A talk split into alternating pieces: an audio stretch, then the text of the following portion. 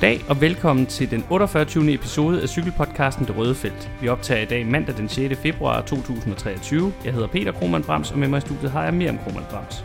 Du finder os alle de sædvanlige steder, hvor du normalt finder dine podcasts, det vil sige Spotify, Apple Podcasts, SoundCloud, Stitcher og diverse podcast-apps til Android.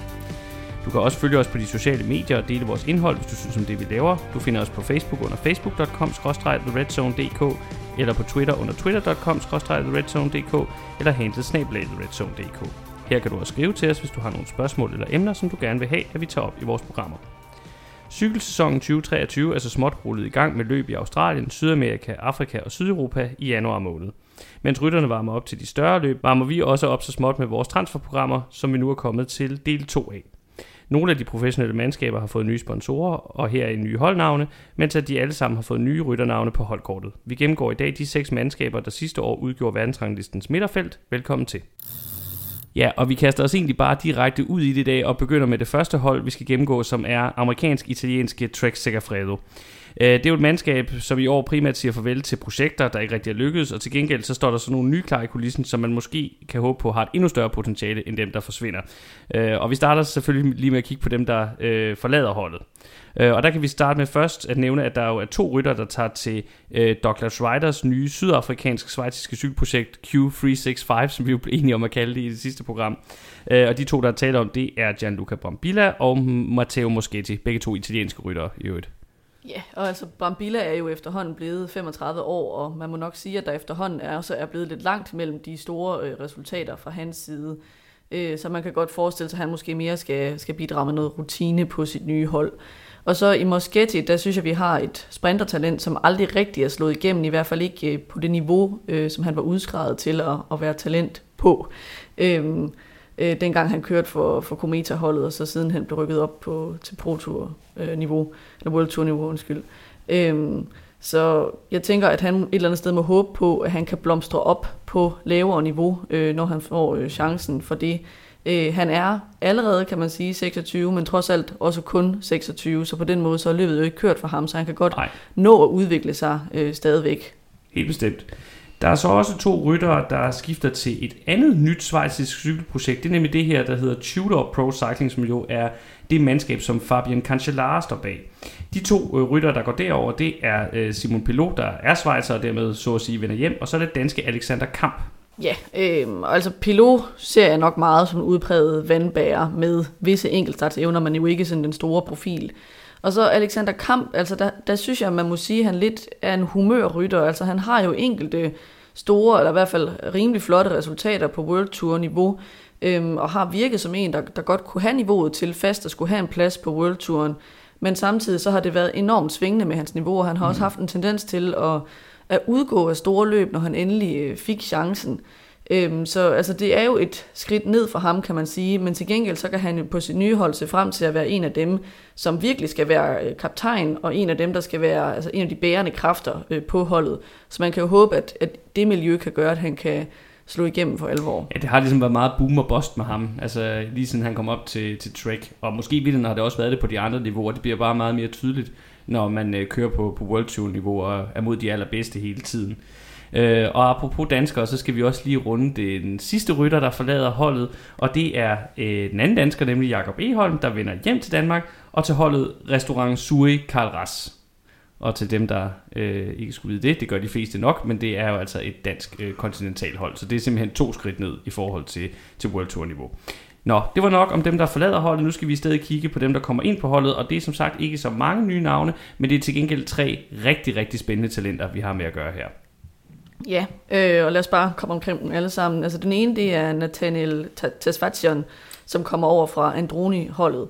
Øhm, han er ikke helt lige så øh, profileret som sin landsmand, Binyam Girmay. Øh, de begge to eritreanere. Øh, Girmay så vi jo slå igennem sidste år på den helt store scene med øh, en flot øh, sejr i Gent Wevelgem, og efterfølgende også øh, etappesejr i Giro d'Italia. Øh, men selvom det ikke altså, var sådan helt øh, lige så kometagtigt for Tesfacion, så havde han altså en ret god sæson øh, sidste år med flere rigtig fine øh, resultater i Italien. Det var så især i nogle lidt øh, mindre løb på sådan det lavere professionelle niveau, men han har også leveret top 10 placeringer på etapper i Giroen og i Tour of the Alps.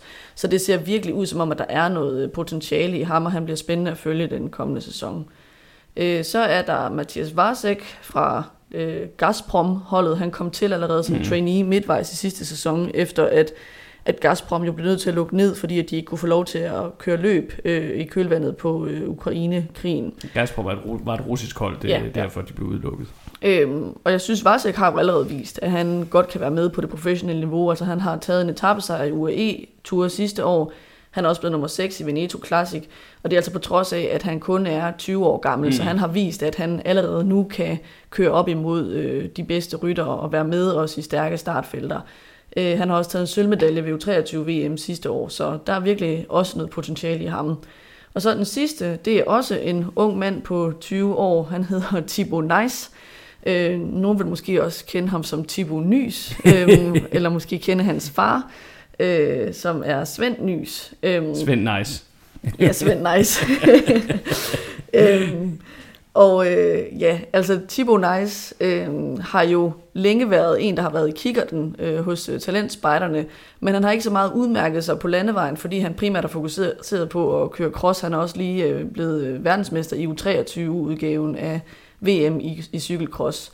Øhm, og det giver jo god mening al den stund, at hans øh, far, som sagt, er Svend Neis, som også har vundet to VM i cross øh, på det højeste niveau. Virkelig en crosslegende. Øh, total crosslegende i mm. sin generation. Det, det hele blegner jo lidt, når man så begynder at sammenligne med Fanart og, og, ja. og Mitchell van der Poel i dag, men hans far er virkelig en af dem, der har været store inden for crossverdenen. Ja, og det var jo også fra en tid, hvor at, at rytter, der var store i crossverdenen, de krydsede ikke over til, øh, til landevejen, sådan, som vi har oplevet det med, øh, med Fanart og Van der Poel, så det er jo også, øh, det er måske også derfor, at han for dem, der kun ser landevejscykling, ikke er så, så kendt i dag. Men inden for den verden, crossverden, der er han en af de allerstørste. Øh, og så i forhold til, til Thibaut Nice, altså han har ikke på samme måde som de to andre allerede vist, at han godt kan være med på allerhøjeste mm. niveau på landevejen. Men altså, når man kigger på de landevejsresultater, han har fra sidste sæson, så har han kørt flot bare i, i ungdomsløbene eller i 2-2-løbene, som mm. lige er niveauet under øh, det professionelle niveau. Så det ser ud til, at han også har evnerne til at gøre sig på landevejen, så han bliver også spændende at følge. Helt klart. Hvis vi lige skal samle op på Trek Segafredo, hvor står de så her oven på transfersæsonen 22-23? Mm, altså, jeg synes, de rytter, der går ud, det er jo nogen, som enten ikke helt har slået til, eller også så har de bare ikke været de store pointsluer øh, på holdet. Altså, de får ikke nogen nye superstjerner ind. Øhm, men dem har de jo også en del af på holdet allerede. Øhm, og jeg synes, at de tre talenter, de får ind, ser virkelig spændende ud. Øhm, så altså alt i alt synes jeg umiddelbart, de står cirka lige så godt, som de gjorde forud for sidste sæson, i og med, at de jo ikke siger farvel til nogle af de store navne, mm. de allerede har på holdkortet, altså ryttere som danske Mads Pedersen, Jasper Støjven, Bauke Molemar, alle sammen stadig på holdet. Og det samme er de fremadstående talenter som Mathias Gjelmose, Juan Pedro Lopez, som gjorde det rigtig godt i Giroen sidste år, Quinn Simmons, som man nok også forventer for alvor skal til at slå igennem i klassikerne endnu. Øhm, så altså umiddelbart vil jeg sige, på papiret, der står de øh, lige sådan som sidste år, eller måske marginalt bedre, fordi at der er noget mere upside i de her nye tilføjelser sammenlignet med de ryttere, som de går af med. Så jeg synes, at det er et fint transfer for dem, uden at det er spektakulært. Næste mandskab på blokken, det er så spanske Movistar, som vi jo må sige havde en skuffende sæson i 2022. Og med farvelet til holdets allerstørste stjerne igennem næsten to årtier, Alejandro Valverde, så er der altså et kæmpe hul på det her holdkort nu, der skal udfyldes. Derfor er der også rigelig grund til at tro, at de ligesom skulle ud og opruste forud for 2023-sæsonen. Men det er ikke lige frem, fordi de har været hyperaktive på transfermarkedet, eller har haft det helt store kreditkort frem i forhold til nye investeringer. Vi starter selvfølgelig lige med at kigge på, hvem der har forladt holdet. Ja, og der er ikke så meget at kigge på, kan man sige, fordi de siger jo faktisk kun farvel til øh, to ryttere.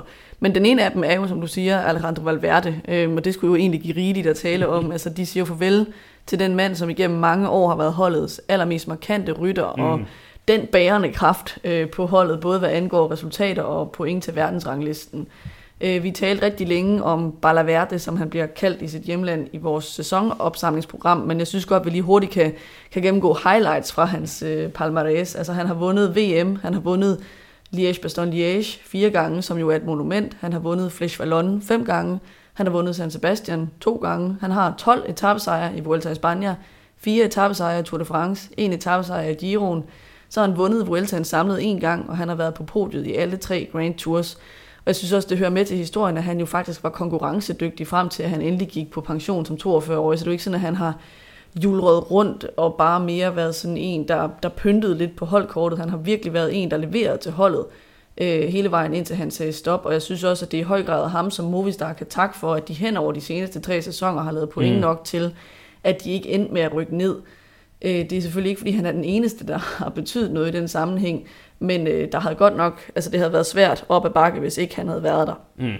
Øhm, så synes jeg samtidig, man kan sige, at han jo er den rytter, der har givet holdet mulighed for rent faktisk at være med i topstriden om både etappesejre i Grand Tours, sejre i de kuperede endagsløb, og også gode placeringer i samlede klassementer fra tid til anden. Så han er jo en enormt alsidig rytter, der har et enormt højt bundniveau, og han bliver meget, meget svær at erstatte. Og det kan også, du siger, at det har de jo heller ikke gjort i transfer. Mm. Øhm, jeg vil så sige, samtidig med, at han har været meget øh, dominerende på holdet øh, og bærende, så har det jo også været i en grad, hvor han lidt har domineret holdet. altså, så når han var med øh, til løb, så var det lidt svært at have en ko-kaptajn, for eksempel. Mm. Øhm, så jeg forestiller mig også, at hans afgang måske vil tvinge holdet til at begynde at tænke lidt nyt, Øh, I hvert fald hvis de ikke skal risikere at rykke ned næste gang, der skal deles licenser ud. Så måske holdet skal prøve at vende hans afgang til en velkommen mulighed for at gentænke strategien lidt. For eksempel om man skal satse på en lidt bredere palette af løb, mm-hmm. i stedet for bare systematisk at sylte de øh, brostensbelagte og flade klassikere, som holdet har haft en, en tendens til. Øh, det samme gælder sprinterdisciplinen, mm. som måske skal opprioriteres lidt, så de ikke så ensidigt er et hold, der bare kan køre op ad bakke. Og lige præcis det vil vi også øh, tale lidt om, når vi kigger på, hvem de så rent faktisk henter, fordi der er også noget der, der godt kunne pege lidt i den retning, at de måske udvider deres fokus en, en lille bitte smule. Jeg vil lige nævne, inden vi går videre til det, at de også siger farvel, eller adios, skulle man måske næsten sige her, til Inigo Elusegui. Jeg tror, det er sådan, det skal... Elusegui, tror jeg. Elusegui. Øh, jeg ved ikke, hvordan det skal udtales, og jeg ved, ved heller ikke rigtigt, om jeg overhovedet var klar over, at han rent faktisk kørte på det her hold, fordi det er ikke et, Eller en rytter. cykel i det hele taget. det er ikke en rytter, jeg har, har lagt mærke til. Øh, han skifter ned på pro-kontinental hold til det lille spanske hold Equipo Kern Pharma, øh, og man må sige, at hans, hans afgang er nok ikke noget, vi overhovedet vil bemærke på pointlisten, hverken fra eller til. Så, så hurtigt videre fra ham, og så skal vi tage et kig på, hvem det er, der så kommer ind på Movistar. Ja, der synes jeg, at det mest opsigtsvækkende, det er at tage betragtning på gaben et hul. Valverde jo efterladet på holdkortet, så har de ikke rigtig hentet nogen ind, der kan fylde det ud, synes jeg ikke. Altså den største mm. rytter, de henter over, det er den 28-årige sprinter Fernando Gaviria, Gaviria øh, som kommer over fra UAE efter fire noget blandede sæsoner øh, mm. på det hold. Han er jo vildt god, når han rammer topformen og topfarten. Der kan han slå de bedste sprinter i verden, men det er bare alt for sjældent, at det sker. Øhm, og jeg synes, at alt for meget af tiden, der er han ramt af dumme uheld, og han har også en tendens til at slå op i banen, når han kan se, at mm. sejren glider fra ham på opløbsstrækningen. Han er ikke den der ryttertype, der bare sprinter all out for at få en femteplads, som jo ellers er noget, holdet ofte godt kan bruge til noget, fordi mm. at der stadig er point og synlighed at hente der. Mm. Der er det mere sådan, øh, ja, boom eller boss, som du sagde lige før, ja. ikke? Øhm, han har virkelig leveret på allerhøjeste niveau, når man sådan kigger nogle år tilbage. Han har for eksempel fem etappesejre i Giro d'Italia, han har også to etappesejre i Tour de France, og vi ved jo, at han kan være med blandt de allerbedste. Men de der topresultater, de ligger bare nogle år tilbage. Mm. Øh, jeg tror, det man kan håbe for ham, og måske også for Movistar i forhold til at få et lykkeligt ægteskab ud af det her, det er, at han måske kan blive prioriteret lidt mere, for eksempel i Grand Tours, fordi der ikke er en Pogacar, eller en Ayuso, eller en Almeida, eller en Jerry Vine, eller en McNulty, mm. øh, med klassementsambitioner, som skal tilgodeses. Ja, man kan måske sige, at han faktisk var lidt fejlkastet på UAE yeah. et eller andet sted. Altså, det, det er selvfølgelig også... Øh, han blev måske hentet ind på et tidspunkt, hvor UAE stadigvæk ikke var helt klar over, hvilken retning de bevægede sig i, men sådan som UAE som hold har udviklet sig, det fokus, de har på Pogacar, så passede Gaviria ikke rigtig ind i ligningen længere. Det synes jeg i hvert fald var meget tydeligt de sidste par sæsoner. Ja, altså fokus på Pogacar, men også bare fokus på øh, klassement i det Præcis, hele taget, fordi ja. Hvis man nu kun havde Pogacar, så kunne man jo godt sige, så giver det mening at have et sprinterhold ja. i Giro d'Italia. For eksempel. Ligesom FDJ for eksempel har typisk, at de sender et klassementshold mm. til den ene en Grand Tour, og mm. et sprinterhold til en anden Grand Tour. Ja. Men her er det som om, at det bare er blevet meget ensidigt øh, klassementsfokuseret, mm. og så nu hvor trupperne er blevet reduceret fra 9 til 8 rytter i Grand Tour, så er det sværere at prioritere både Helt at have klart. en, en topklassementsmand og en topsprinter med. Så på den måde giver det rigtig god mening, at han skulle et andet ja. sted hen. Øhm, og ja, i forhold til det, du sagde før, ikke, altså, så kan det jo godt afspejle, det at Movistar har købt ham, at de anerkender, at de altså også har brug for at kunne lave point i andre sammenhænge og i andre terrænger, end, mm. øh, end når det går opad, og de skal køre øh, klassement, også fordi så mange gode klassementsrytter har Movistar jo ikke. Nej, nej. Øhm, så for dem giver det rigtig god mening at have en sprinter, man kan have med til en Grand Tour, til at prøve at køre nogle etappesejre hjem. Jeg vil også tro, at øh, han ryger ind i deres klassikertrup, som jo ikke ligefrem er specielt bred. Nej han har forsøgt at køre nogle klassikere før Gaviria, men det har ikke været med specielt øh, stor succes. Nej, jeg mener, jeg kan huske, at øh, han faktisk sad i finalen i Milano Sanremo et år, øh, og det var så en af de her situationer, som du også refererede til tidligere, hvor han så laver et eller andet dumt, hvor han kommer til at læne sig op af en motorcykel eller sådan et eller andet, og så, så ryger han i jorden. Altså, hvor man faktisk sad og tænkte, at, at på det tidspunkt, hvor han også var noget mere hyped, end han er nu, at han klart ville være den hurtigste, eller være et meget godt bud på, hvem der ville være den hurtigste i den spurt. Og så, øh, ja, så endte det i asfalten i stedet for øh, på, Ja. øh, på sejrskammen. Det var... Ja, det har der også været meget af, ikke? Ja. Altså, studere asfalt i stedet for rent faktisk at være Ja. med. den, den, den kom bare lige til mig, den der, den der øh, meget, meget mærkelige situation. Den kunne jeg lige pludselig huske helt tydeligt. Øhm, Ja, altså en ting jeg lige vil sige, det er, mm. jeg er meget i tvivl om, hvor succesfuldt det her det bliver. Det Mm. kan både være en rigtig god investering, og det kan også altså, være et vendepunkt for ham, og han kommer Ja. får gang i sin karriere igen. Det kan også være, at det bare kommer til øh, at være sådan en form for dumpster fire, hvor en sprinter, der ikke ligefrem har tur inden, kommer over på et hold, som ikke er vant til at køre for en sprinter, og det bare bliver rigtig, rigtig dårligt. Ikke? ja. Øh, men jeg vil sige, at det ser ud som om, at han er kommet fint fra start, ikke? fordi han er faktisk øh, lagt ud med i Vuelta San Juan at lave både en første, anden, tredje og fjerde plads på etapper. Så Ja, umiddelbart okay. ligner han mand, der er kommet til sit nye hold i form og med appetit på at, at prøve at levere nogle resultater. Det lyder, det lyder øh, i hvert fald som en okay start. Ja. Øh, Så vil jeg sige, at øh, i forhold til det her mere opad øh, kørende fokus, som Movistar normalt har, så henter de jo faktisk en rigtig spændende anden rytter øh, til holdet i form af Ruben Guerrero, som kommer over fra EF-holdet.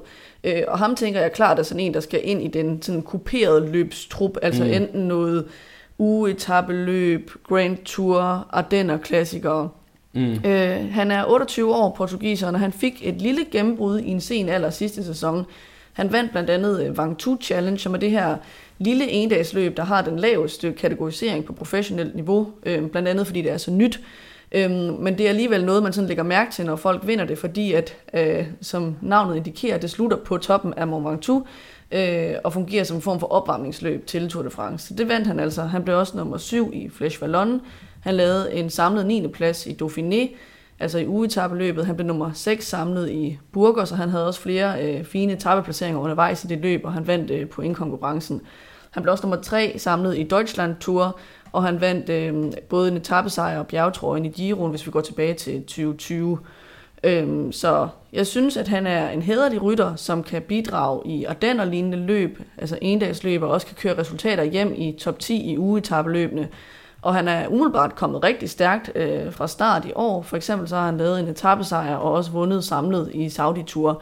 Det er selvfølgelig ikke et kæmpe stort løb, øh, eller specielt prestigefyldt, men det viser i hvert fald, at han er der fra sæsonstart. Øhm, så jeg tror, han er sådan en, der virkelig kan gå ind øh, og være med til at, øh, at løfte truppen. Og selvfølgelig så kan man jo ikke bare fylde ud for Valverde. Det synes jeg bestemt heller ikke, Mhm. han gør. Men jeg tror, han er en, der er tiltænkt at skulle gå ind og tage en rolle i den der øh, kuperede endagsløb, ugetabløbstrup.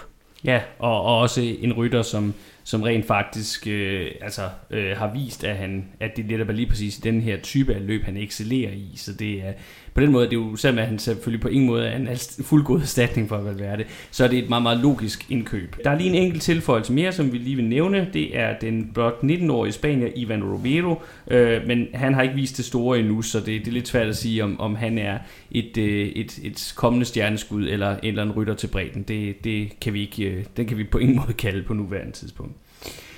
Så vil vi igen lige samle op med at kigge på, hvordan det samlet set ser ud for Movistar oven på det her transfervindue. Og ja, med, med det tab, de, de har haft, øh, så må man jo nok sige, det, det er svært at sige, at, at, at andet end at det nok ser en lille smule sværere ud, end det gjorde sidste år. Ja, altså de mister deres største rytter, og mest profilerede rytter, som har tegnet holdet udad til og været en af dem, der har leveret flest resultater og point hen over rigtig mange sæsoner.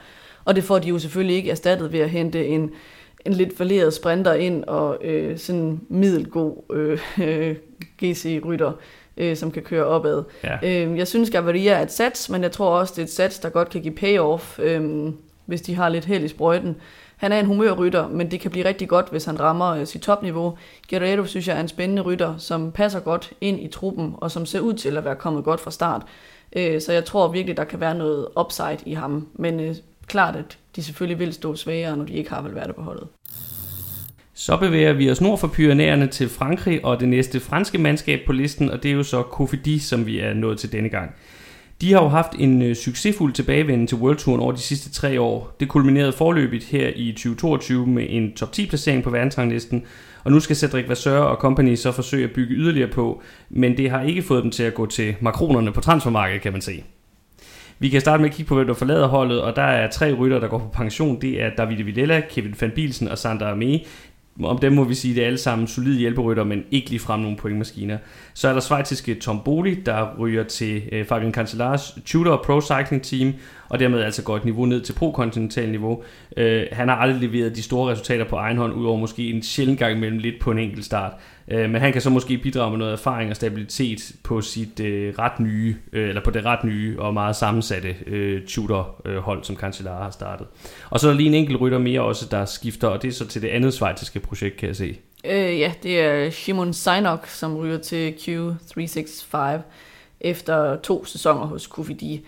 Øhm, og han er jo interessant på den måde, at han blev hentet over fra CCC-holdet øhm, som et sprintertalent i sin tid, hvor man egentlig havde regnet med, at han måske godt kunne slå igennem på, øh, på højeste niveau, men det er bare ikke rigtig blevet til noget, så på den måde, måde giver det god mening, at han øh, tager et skridt ned, øh, og så forsøger at få noget succes på lavere niveau i stedet for. Det var hurtig gennemgang af, hvem der forlader holdet. Det var, der var som sagt ikke så meget at tale om her, så vi skynder os videre til, hvem der er kommet ind på holdet i stedet for.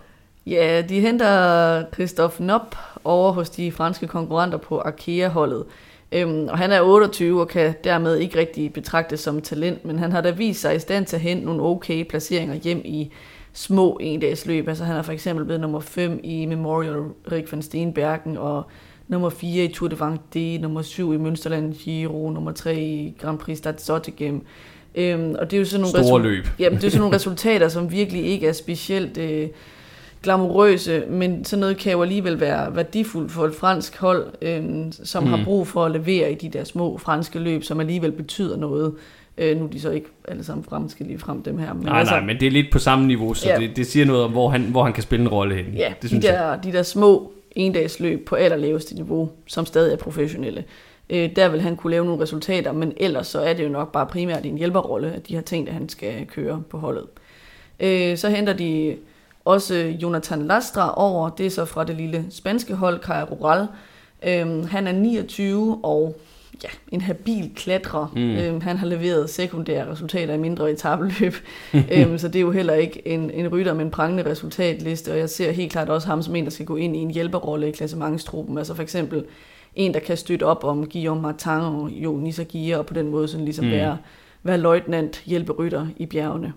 De tilføjer også to unge ryttere, men der er ikke nogen af dem, der ligner sådan de store lysende talenter. Så øh, jeg tænker egentlig bare, at vi allerede er ved, at vi skal kigge på, hvordan det samlet ser ud for, for Kofidi. Det er utroligt med de her franske mandskaber. Jeg synes det, for det meste, at de tager meget kort tid at gennemgå. Jamen, de har tit øh, en konservativ tilgang til transfer. Ja, det må man øhm, sige. Jamen altså, de ryttere, de siger farvel til, har jo ikke betydet meget i pointbudgettet. Øh, og omvendt laver de jo heller ikke nogen store investeringer, som giver løfter om store resultater i 2023, der kan booste deres trup og booste deres pointhøst. Så det er bare sådan lidt status quo. Øh, noget jeg til gengæld tænker bliver anderledes for Kofidi i 2023, det er, at de igen kan begynde at køre mere målrettet efter sejre og mindre efter point. Det lyder måske lidt skørt, men mm især sidste sæson var der nogle af de hold, der var nedrykningstruede, hvor rytterne beklagede sig over, at det var mærkeligt, at når de sad i finalen, at de så ikke skulle køre all in på at vinde sejr, men hellere skulle køre all in på for eksempel at få to mand i top 10, mm. fordi at det samlet set kunne give flere point til holdet, og man så kunne mm. undgå at, at komme ned i nedrykningsfare. Øhm, så der tænker jeg, at Kofidi er sådan et hold, hvor man kan sige, at nu kan man måske lige trække vejret, og så rent faktisk fokusere på rent at køre efter sejre, som man jo mm. et eller andet sted skulle tro, man logisk altid, øh, altid gjorde, ikke? øhm, og ikke sådan tænke over det der med at skulle høste point hele tiden. Nu tager vi så til Belgien og tager fat i det andet af de to nye hold på World Touren i år, nemlig Alpecin de König. Fordi Alpecin-holdet, der jo nu har fået de König som co-sponsor, det gjorde de allerede lige op til turen sidste år, de tager skridtet op på World Tour-niveau i år. Og det er jo en status, som deres resultater over de seneste sæsoner klart har berettiget til, når man ser på, hvor de har placeret sig på verdensranglisten. Jeg tror faktisk, de har været i top 10 øh, de sidste tre sæsoner, alle år. Øh, de var i hvert fald været det de sidste to sæsoner, så man må sige, det er mere end rimeligt, at det her hold nu endelig får en World Tour licens. Det belgiske mandskab her har faktisk eksisteret helt siden 2009, og det var oprindeligt primært et cykelcross-hold, men øh, først med stjernen Matthew van der Poels tilkomst og stigende fokusering på landevejen, så begyndte hele holdet at gå i den her retning, hvilket i første omgang resulterede i en opgradering til pro-kontinental status inden 2019-sæsonen. De centrale personer i ledelsen af holdet efter professionaliseringen, det har været brødrene Christoph og Philip Rothoft, øh, der begge to er belgier, by the way. Øh, Christoph er selv tidligere rytter og fungerer som sportsdirektør, mens Philip står for den mere administrative del af øh, arbejdet som holdchef. Kombinationen af brødreparets ledelse og ikke mindst Van der Poels, men også andre rytteres succes, har som sagt givet nogle rigtig flotte verdensranglisteplaceringer de sidste fire år, og nu er man så klar til at tage skridtet helt op på World Touren. Og netop springet fra Pro Continental til World Tour kan i den grad ses i aktiviteten på transfermarkedet, hvor der har været god udskiftning i truppen. Ja, yeah et af de mest øh, markante navne, øh, de siger farvel til, det er sprinteren Tim Merlier, som faktisk tager til Quickstep, som jo tidligere havde sponsoren det kønne. Ja, det er rigtigt. Øh, hvor han mere eller mindre direkte erstatter Cavendish, eller måske kan man sige, den, der kommer ind og skubber Cavendish ud i det der, den der sprintergruppe. Øh, han har haft rigtig god succes på Alpecin-holdet, Øh, og jeg synes, han er en af de ryttere, der har været med til at gøre frygten for, at holdet bare vil blive sådan et Mathieu van der Poel-hold til skamme. Mm-hmm. Han har leveret etappesejre i Giro d'Italia i Tour de France, også i et stort ugetabeløb som Tirreno Adriatico, og han har også leveret sejre i mindre klassikerløb. Øhm, så farvelet til ham øh, er sådan et, der vil kunne mærkes på resultater på indkontoen. Og med hensyn til ham vil jeg også skyde ind, at øh, da holdet lavede det her, øh, den her transition fra at skulle være et crosshold til et landevejshold, så var der jo sådan lidt øh, to kritikpunkter. Det ene det var, at det her hold, det bliver bare et Van der hold Det bliver Van der plus det løse. Mm. Og det kommer til at være ham, det hele handler om, og ham, der skal lave alle resultaterne. Det andet, det var så kritik af Van der Pol for at blive på holdet, fordi at det var for svagt et hold, og de ville ikke kunne støtte ordentligt op om hans karriere og hjælpe ham til virkelig at mm. udvikle sig. Og jeg synes egentlig, at begge to har vist sig ikke at, at holde stik. Altså der har de været opgaven voksen. Mm. Øhm, og jeg synes også godt, man kan sige, at det måske var fint set af Van der Pol, at det gav mening for mm. ham at blive der, fordi man kunne nok næppe øh, bede om et hold, der vil have mere forståelse for, at han gerne vil køre cross, samtidig med at han skulle køre landevej. Øh, så de har jo haft setup'et til at, mm. at gøre begge dele med ham. Og der kan man virkelig tale om et hold, der har set, at her har vi med en god rytter, som vi nok ikke kommer i nærheden af de næste 100 år igen. Mm. Så, så omstiller vi holdet, så at vi kan blive ved med at bakke op om ham og holde vores guldfugl på holdet. Ja. Og, og det er jo også derfor, det er vigtigt for mig, når vi laver sådan en præsentation af et, af et hold, som vi gør her, at nævne de folk uden for, for, eller dem i bilerne, eller dem på kontoret, der rent faktisk også tager de her beslutninger, og så også er i stand til at realisere dem. Så, så øh, det er helt klart for mig, at øh, Rothoft-brødrene har spillet en afgørende rolle i det her, også fordi de netop til dels har kunne se visionen i det her, men så også har været i stand til at udføre den. Og de er jo så altså også stadigvæk øh, med nu i, i, den, i det her skridt op på World Touren, og stadigvæk dem, der står i spidsen for det. Og de har jo i den grad vist, at selvom de, da de startede det her op som landevejshold, var, var newcomers i, i den, her, øh, den her del af sporten, så øh, har de bestemt vist sig at være opgaven voksen. Det må man sige. De siger også farvel til to andre nævneværdige navne, øh, og måske up-and-coming ryttere. Øh, den ene det er Jay Vine, og den anden er Shirt Bucks, som begge to tager til UAE-holdet. Og hvis vi starter med Jay Wine, Vine, så har han jo den her særlige baggrund, at han i sin tid kom ind på Alpecin ved, at han vandt sådan en Swift Academy konkurrence, altså øhm, det her øh, online univers, hvor man kan øh, køre øh, virtuel cykling mm. på sin home trainer hjemmefra. Så der var han altså med i den her øh, Swift Academy konkurrence, som han vandt, øh, og, og det man så vandt ved at vinde den, var, at man fik en plads på Alpecins hold og kunne komme til at køre øh, ikke virtuel landevejscykling. Så han er altså et eksempel på en rytter, som har lavet en succesfuld transformation fra virtuel til øh, landevejscykling. Øh, han fik sit store gennembrud sidste år med to etappesejre i Vuelta i Spanien og også en samlet andenplads i Tour of Norway. Øh, og jeg synes egentlig, han er en ret fantastisk øh, historie. Øhm, han er jo også, øh, kan man sige, flyttet fra den ene side af jorden til den anden. øh, virkelig altså, rykket tilpælene op for at prøve at satse på den her landevejskarriere, så det rent faktisk lykkedes for ham at sætte ud til nu. Øh, det man så kan sige, det er, at det måske er lidt ærgerligt for Alpecin, når den her satsning rent faktisk er payoff, at øh, han så tager videre, efter han har lavet gennembruddet. Øh, det ser allerede ud som om, at det kan blive en succes for ham på UAE. Han har i hvert fald leveret en samlet sejr i Tour Down Under, for sit nye mandskab her i optagsløbene. Mm. Så øhm, han bliver også spændende at følge fremover. Spørgsmålet er selvfølgelig, hvor meget plads der bliver til ham på UAE. Det er jo et fantastisk hold at komme over på, hvis ja. man gerne vil udvikle sig som klassementsrytter. Øh, men der havde der været mere plads til, at han kunne være kaptajn på, øh, på Alpecin umiddelbart. Det er også noget, vi vil komme til at tale mere om, når vi skal snakke om, om UAE i næste, næste program. Ja, så er der Shirt Bucks, som også tager til UAE, som sagt. Det synes jeg er lidt mere overraskende i det hele taget, så, så tror jeg ikke helt, jeg forstår den hype, der sådan lidt har været om ham. Altså han blev professionel med Alpecin i 2022, altså forud for sidste sæson, mm. i en ret sen alder, han er 27 nu. Øh, og han gjorde det hederligt på Alpecin sidste år, altså blandt andet så vandt han en sejr foran Valverde i det lille endagsløb, der hedder Coppa Agostini. Han blev nummer 4 i, i Luxembourg, nummer 10 i Arctic Race Norway. Øhm, så det er da flotte nok resultater. Øhm, men det er jo ikke sådan, at det er out of this world, øhm, i forhold til sådan at forstå, hvad UAE øh, vil med ham.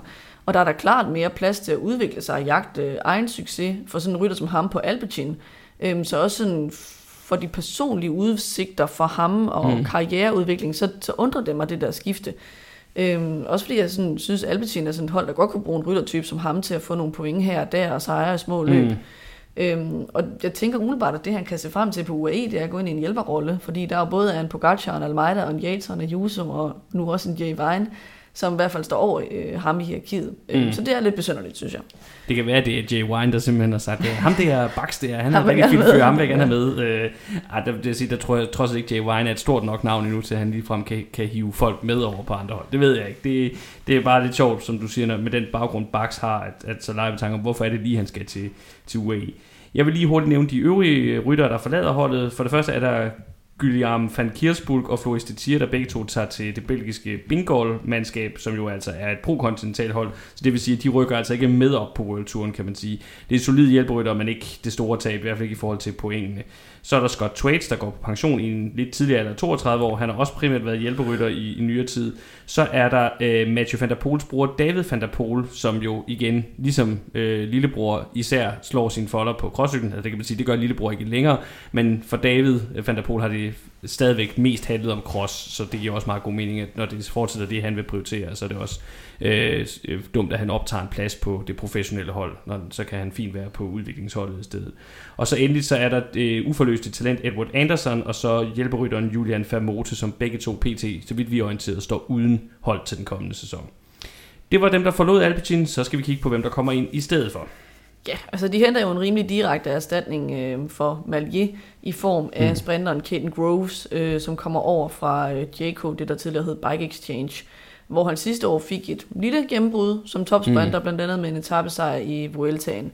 Øh, og jeg tænker umiddelbart, at han er sådan en, der fint kan fylde hullet ud efter Malier. Er en super god en-til-en erstatning, ja, den der. Øh, og der ser der også ud til at være noget udviklingspotentiale. Han, han kom ikke lige frem sådan blændende fra start i, i Tour Down Under, så vidt jeg lige kunne se. Øh, men det kan jo også bare være en lidt sløv sæsonstart. Øh, så jeg tænker umiddelbart, at han sådan fint kan, kan gå ind og, og dække mm. det hul, som Malier efterlader. Øh, noget, der med danske øjne er meget mere øh, spændende, det er, at de har hentet Søren Krav Andersen til holdet, som jo så kommer over fra DSM. Øhm, og Krav havde jo sådan set været øh, hele sin professionelle karriere indtil videre på DSM, og med en alder på 28 år, så vil jeg nok også mene, at det var ved at være nu, hvis han skulle nå at prøve noget andet på et meningsfuldt tidspunkt i sin karriere. Øh, og så lod ham og DSM jo også til at være kørt fuldstændig skævt af hinanden i løbet af sidste sæson, øh, som vi så kulmineret med fravalget af ham til Tour de France-truppen, mm. som selvfølgelig har været en ekstra stor skuffelse, når nu løbet startede i Danmark. Øhm, der er heller ikke nogen vej udenom, synes jeg, at de sidste to sæsoner har været svære for Krav Andersen oven på succesåret i 2020, hvor han jo vandt to Tour de France etappesejre. Vi ved, at han har evnerne til både at lave den her etappesejrjagt, og også til at gøre det godt i klassikerne. Så jeg glæder mig rigtig meget til at se ham indgå i Alpecins øh, klassikertrup. Han har selv gjort det klart, at han ikke regner med, at han bare skal være en hjælper for Van der Pol. Øh, det er selvfølgelig klart, at Van der Pol er holdets kaptajn og den helt store stjerne, men det man forstår på, på øh, Krav Andersen, når han udtaler sig, det er, at der altså også bliver mulighed for at køre sin egen chance. Og her virker det jo umiddelbart oplagt at have sådan en form for quickstep tilgang, hvor man kan spille kaptajnerne ud på skift. Den model, vi også har set Jumbo adaptere, mm. efter at de fik en rytter som Laporte over til at, at være uh, med på holdet. Selvfølgelig ikke som ligeværdig kaptajn med Van Aert, men alligevel skridtet lige nedenunder, hvor man godt kan blive mm. spillet ud i finalen og også få lov at køre sine egne chancer. Tis Benot det samme i den, i ja, den øh, ligning der. og det er sådan en rolle umiddelbart, jeg forestiller mig, at øh, Krav Andersen skal have. Og så er han måske også en ryttertype, der er en lille smule bedre til, når det går opad, end, end Van der Pol, fordi han ikke er helt lige så tung. Mm. Øhm, og så ja, fra truppens, altså fra holdets side, synes jeg, det giver god mening, fordi at de jo har manglet lidt nogle løjtnanter til at spille den der rolle. Øh, så på den måde synes jeg ikke kun, at det er et godt skifte for Krav Andersen, men også noget, som giver rigtig god mening øh, fra holdets side. Jeg synes, det ser ud som om, at de har givet ham et virkelig spændende sæsonprogram, hvor han står til både at skulle deltage i, i Paris-Nice og Schweiz rundt og Tour de France af etabeløb, og i omløb, Sanremo, E3, Gent-Wevelgem, Flandern, Amstel, Liège og Eschborn Frankfurt er store klassikere, så der kommer virkelig til at være mulighed for at tage for sig af retterne for ham. Ja, og så må man jo også bare sige, at selvom at øh, Mathieu van der Poel jo er, stadig er en fuldstændig gudsbenået, fantastisk cykelrytter, der stadigvæk, øh, når han er bedst, øh, nærmest kan slå alle. Det så vi så sent som i går, hvor han endnu en gang blev øh, verdensmester i cykelcross ved at slå øh, sin evige rival Wout van Aert. Så har der jo også bare siden hans, øh, hans styrt ved OL øh, i, i mountainbike i 2021 været det her med, at en gang imellem så den der rygskade, den, så hæmmer den ham bare. Og, og der er det jo super godt for Alpecin så at have et alternativ, og, og der er Søren Krav jo, jo oplagt i den her situation. Jeg vil dog sige, at han er ikke den eneste, de har hentet ind til at udfylde den der rolle som sekundant eller løjtnant, for de har også hentet et andet meget spændende øh, navn til, især klassikerne, tænker jeg umiddelbart. Ja, 27-årige Quentin Hermans, øh, som jeg faktisk havde en rigtig god sæson for Bronte-holdet sidste år. Øh, han blev noget overraskende nummer to i Liège, han blev også nummer tre i Beamerside Classics, og han har lavet top 10 placeringer på etaper i Baskerlandet rundt, Romandiet rundt, Belgium Tour, hvor han også vandt en etape, Polen rundt og Arctic Race Norway, hvor han også øh, kørte i top 10 samlet. Øhm, så han ligner umiddelbart en rytter, som kan gå ind og forstærke klassikertruppen, enten i sådan en form for løjtnantrolle i de store løb, eller som kaptajn i de mindre klassikere. Øh, og så vil han selv sagt også kunne bidrage til etappejagten i etabeløbene. Øh, sidste år, der var han jo meget sur over ikke at blive udtaget til øh, Tour de France af Wanty-holdet, hvilket han gjorde rimelig meget opmærksom på i pressen. øhm, og det ser umiddelbart ud til, at det så er planen, at han skal køre øh, turen i år. Øhm, så for ham er det jo umiddelbart et fedt skifte, og igen så giver det mening i forhold til sådan at polstre klasse, øh, hvad hedder det, klassikertruppen yderligere fra holdets side for nogle løjtnanter ind, der kan mm. støtte op om Van der Pol. Ja, som type minder han jo endnu mere om Van der Pol, end Søren Krav Andersen gør, fordi han ligesom Van der Pol har, har cross-baggrund. Øh, Quentin Hermans har også kørt cross meget seriøst i, i, i mange år, så, så også et, et, et helt oplagt skifte, synes jeg, øh, sådan som, øh, og en god investering, sådan som, som situationen er på det hold lige nu. Så henter de også et par solide hjælper ind i form af Robbe Gies og Ramon Singeldam, der kommer over for henholdsvis Sport Flanderen og FDJ-holdet. Det er to mand til bredden af truppen, der er ikke så meget mere at sige til dem. Så kommer der et nyt talent ind, som nok er et af de fedeste nye navne på øh, World Touren i år. De henter nemlig den 22-årige australier Jensen Plowright, eller Plowright, øh, som kommer fra FDJ's udviklingshold. Øh, og udover at navnet er fantastisk, så ser han altså også OK spændende ud, hvis vi kigger på, på resultaterne. Han har kørt fint i det, der hedder Flanders Tomorrow Tour, også i ungdomstour de France, det der hedder Tour de l'Avenir, og også en del andre øh, ungdomsløber. Har også kørt top 10 i 1-1 løb i Belgien, så bestemt en interessant mand øh, at have fået på holdkortet, og vi ved jo, at Alpecin er gode til at udvikle talent. Det har de jo bevist, øh, apropos det her med, at det aldrig kun er blevet et Van der hold Så øh, spændende mand at få ind, og det synes jeg også, man kan sige om øh, italienske Nicola Conci, øh, som kom til holdet allerede midt i sæsonen sidste år, efter han var også en af de her rytter, der blev fanget i, at det russiske Gazprom-hold blev nødt til at lukke på grund af krigen i Ukraine. Øh, Conchi har allerede leveret fint øh, for dem i efteråret sidste år, med blandt andet en tredje og en syvende plads i to små italienske endagsløb, og så en samlet tredjeplads i Arctic Race Norway. Der hentes også en yderligere øh, rytter ind fra deres eget udviklingshold her midtvejs sidste år, men øh, han ser ikke så spændende ud. Så jeg synes egentlig bare, at vi skal gå videre til at samle op på det andet nye World Tour hold Alpecin. Hvordan står de oven på transfersæsonen her inden 2023-sæsonen? De siger jo farvel til to stærke ryttere i Malier og Vejen, men med tilføjelserne af Caden Groves og Søren Kranersen og Quentin Hermans og Conchi, så synes jeg, at de vejer godt op for det, som de taber, måske endda lidt mere til.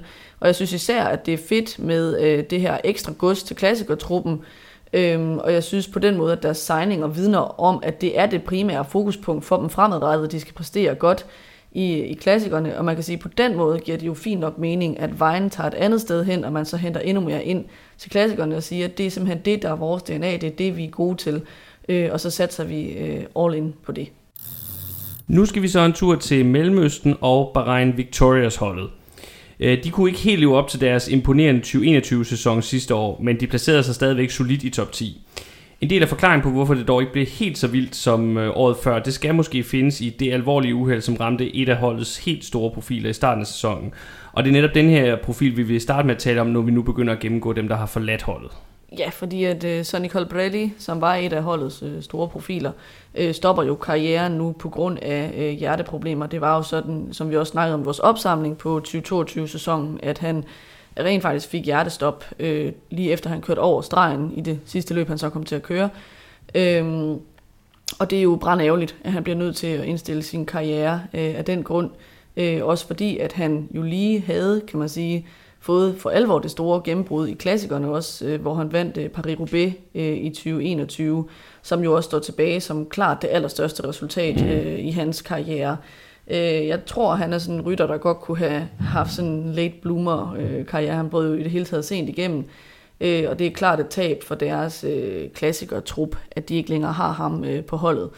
Øh, super øh, ærgerligt og synd for ham, at det er sådan, det skal slutte. Omvendt kan man sige, at øh, det også virkelig er, er heldigt, at øh, ja. de rent faktisk kunne, kunne øh, redde ham. Tænk, hvis det var sket under en træningstur, og ikke i, i fuld konkurrence, hvor der rent faktisk var medicinsk personale lige i nærheden. Det er jo meget sammenligneligt med historien om Christian Eriksen ja. et eller andet sted. Så øh, dejligt, han er i live, men, øh, men ærgerligt, at hans karriere må slutte på den her måde. Og Øh, vi vil så gå videre til en anden, der har forladt holdet, som øh, er under mere, hvad kan vi sige, normale omstændigheder, men som også virkelig indikerer, at deres klassikertrup, den er altså ja, den er svækket, svækket fordi at uh, Dylan Toynes jo skiftede til Israel i slutningen af sæsonen sidste år. Der virkede det som om, at Israel ville hente ham over før tid i et håb om, at de kunne nå at hente nok point øh, mm. til, at de ikke skulle rykke ned og miste deres World Tour licens. Det lykkedes og ikke det gik jo godt. Øhm, han fik endelig sin store klassikersejr sidste år med sejr i Flesh Vallon. Øh, men ja, det kunne jo så ikke redde Israel fra, fra nedrykning, at de hentede ham over bagefter. Øh, han vil virkelig blive savnet, tænker jeg, på det hold i løbet af forårssæsonen. Mm. Øh, så klart en, en svækkelse af deres øh, klassikertrup på den baggrund. Udover de her to markante profiler, så siger de så også farvel til to solide slovenske hjælperyttere i form af Jan Tratnik og Domen Novak, som begge to har det, har det tilfælde, de er til at kunne hente resultater på egen hånd. De skifter til henholdsvis Jumbo og UAE, hvor de så nok skal over og støtte deres landsmænd øh, Roglic og Pogacar henholdsvis i deres øh, jagt på, på resultater.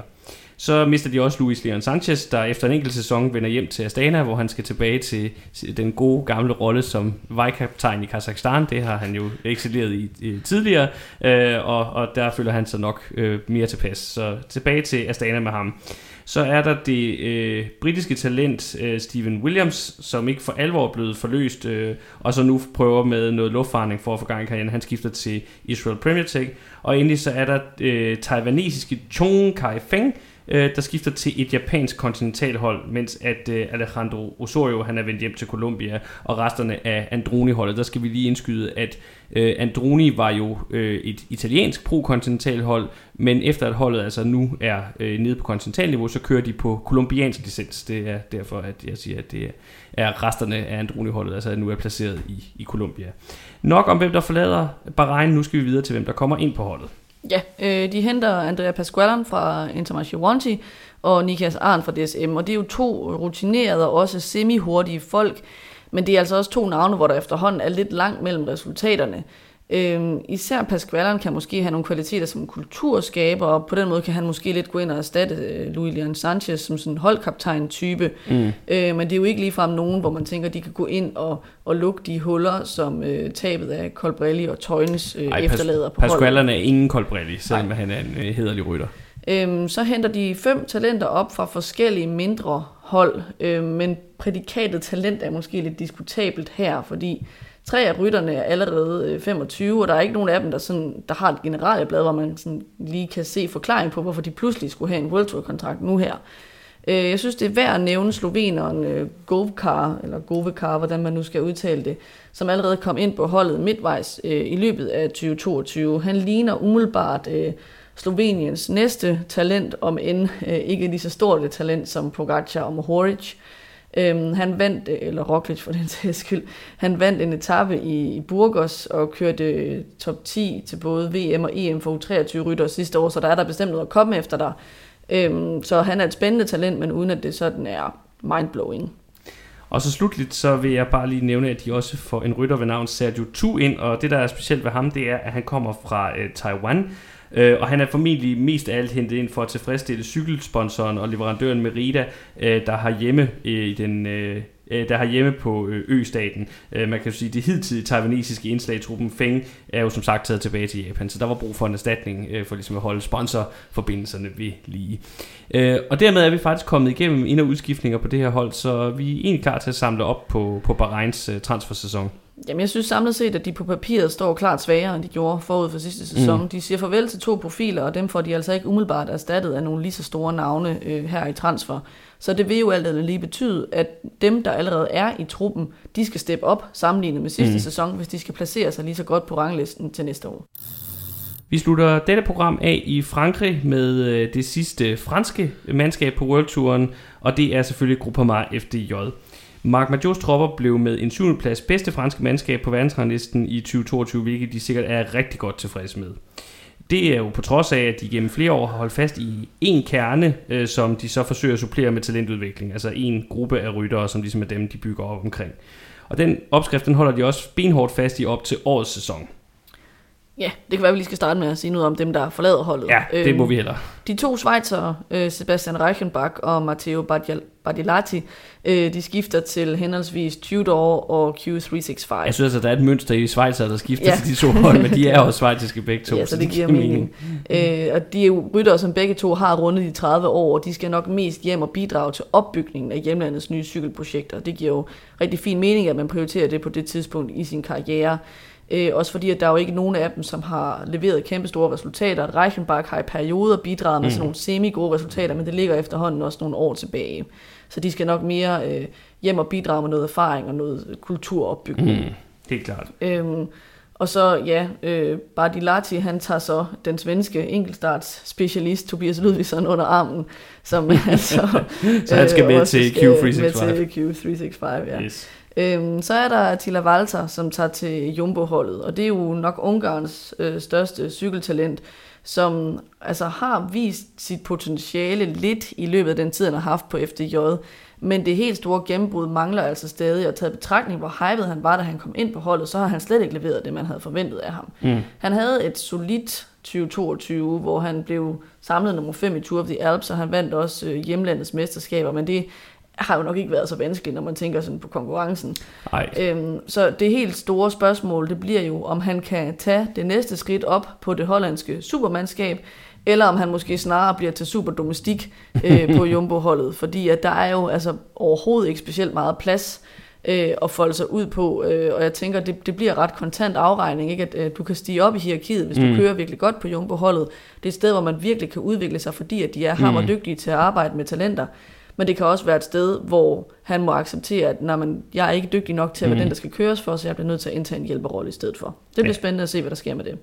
Ja, øh, og så vil jeg bare lige sige øh, øh, undskyld til Barnabas Peak øh, for, at han ikke bliver betragtet som øh, hård konkurrence i forhold til at vinde de ungarske mesterskaber. Nej, det, det, det er rimeligt at sige, at det, det er måske ikke den største præstation i verden at blive ungarsk mester, når man er så på papiret stort talent, som Valter i hvert fald har været udskrevet til at være.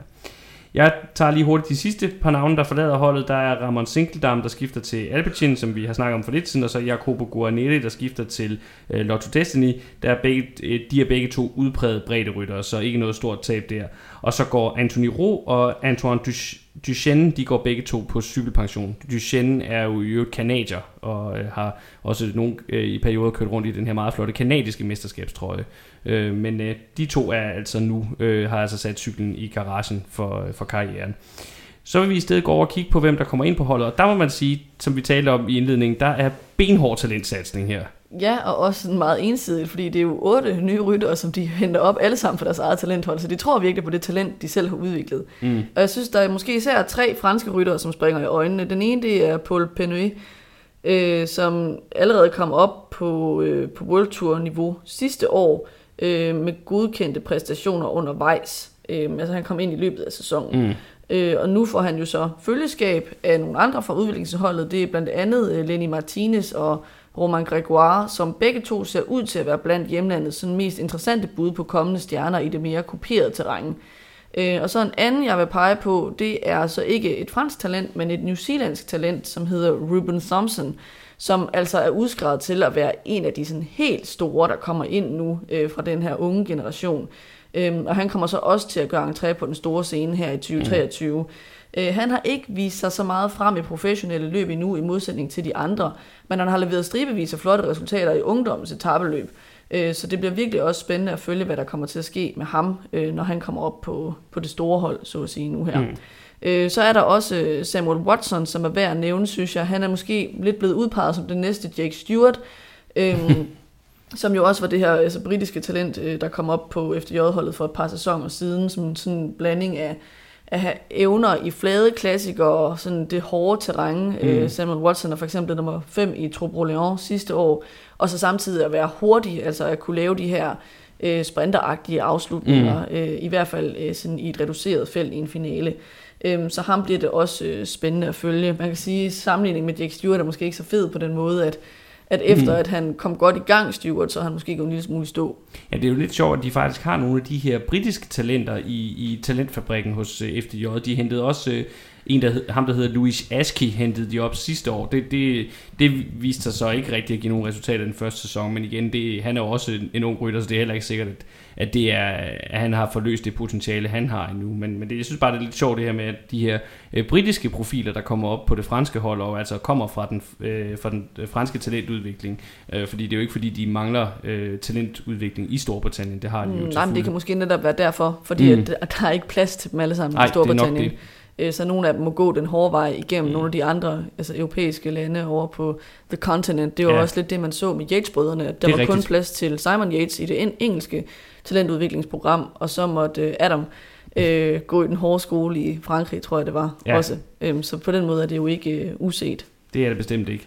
Så har vi faktisk nået til, til vejs ende også med det sidste hold her. Igen tog det ikke så lang tid at gennemgå et, et fransk hold, så vi skal lige have samlet op på, hvordan det ser ud for Gruppe Mig FDJ her efter transfersæsonen. Jamen, altså det er jo ikke nogle kæmpe store pointsluger, der går ud. Øhm, de transfers, de laver, er omvendt heller ikke spektakulære, i og med, at de kun henter rytter op for deres eget udviklingshold. Til gengæld så synes jeg, at det her talentkul, det ser usædvanligt spændende ud, fordi at der er så mange rytter iblandt, som rent faktisk ser ud til at kunne gå ind og levere resultater med det samme på World Tour niveau. Øhm, så jeg synes, der ligger et stort udviklingspotentiale i de unge rytter, de henter op, øh, som har et stort upside og som bliver rigtig spændende at følge i den kommende sæson. Og flere af dem har altså allerede leveret top 10 placeringer i opvarmningsløbene her i de professionelle rækker. Øh, så det lover øh, rigtig godt at se ud som om, at de er rimelig plug and play og bare kan mm-hmm. gå ind og levere mere eller mindre fra dag 1. Så det bliver spændende at følge. Så øhm, på papiret står de måske cirka lige sådan, som de gjorde forud for sidste sæson, men altså med nogle spændende øh, talenttilføjelser til truppen. Inden at vi siger tak for i dag, så vil jeg igen lige komme med en anbefaling. Hvis du lytter til vores programmer og gerne vil hjælpe os med at komme ud til endnu flere, så må du meget gerne give os en anmeldelse i den podcast-tjeneste, som du benytter dig af, og rigtig gerne en femstjernet en af slagsen. Så kan det være, at der er endnu flere, der kommer til at kende til os, så det vil vi sætte rigtig stor pris på. Det røde felt er en del af sportsuniverset The Red Zone, der også indeholder bloggen theredzone.dk, hvor du blandt andet kan finde links til vores programmer, samt artikler om en anden fed sportsgren, nemlig amerikansk fodbold og NFL, hvor vi i den kommende weekend når sæsonens storslåede afslutning med Super Bowl 57. I det næste program tager vi sidste del af vores transfergennemgang med fokus på de seks hold, der sidste år endte øverst på verdensranglisten. I denne omgang har du lyttet til mig. Jeg hedder Peter Krohmann Brams, og med mig i studiet har jeg haft mere om Krohmann Brams. Vi lyttes ved.